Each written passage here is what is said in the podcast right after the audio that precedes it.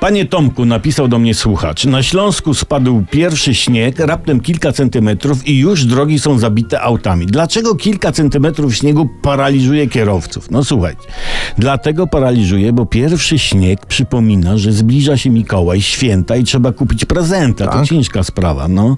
Ale co ważniejsze, ze śniegu robi się plucha i kierowców paraliżuje świadomość, że auto się brudzi, psując estetykę karoserii i dobrej zmiany.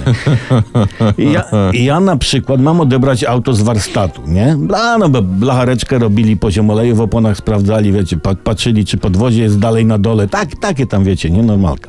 I oni w tym warsztacie to oddają klientowi auto wypucowane. No i będą telefonować, odbierz auto. No ale jak odbierz? W taką pluchę? I poradźcie mi, bo ja, bo ja tak chcę im powiedzieć.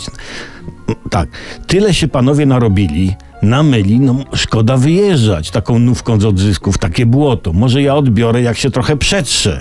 Nie? W czerwcu jakoś tak, nie? No bo teraz śnieg, a ja nie lubię hamować. I powiem im, przetrzymajcie mi auto, ale nie na podwórku, tylko pod dachem. Autko, powiem im, lubi na dywanie stać. Nie? Bo mój samochód to esteta. I lubi też, żeby go za lusterkiem wstecznym pozmyrać troszeczkę.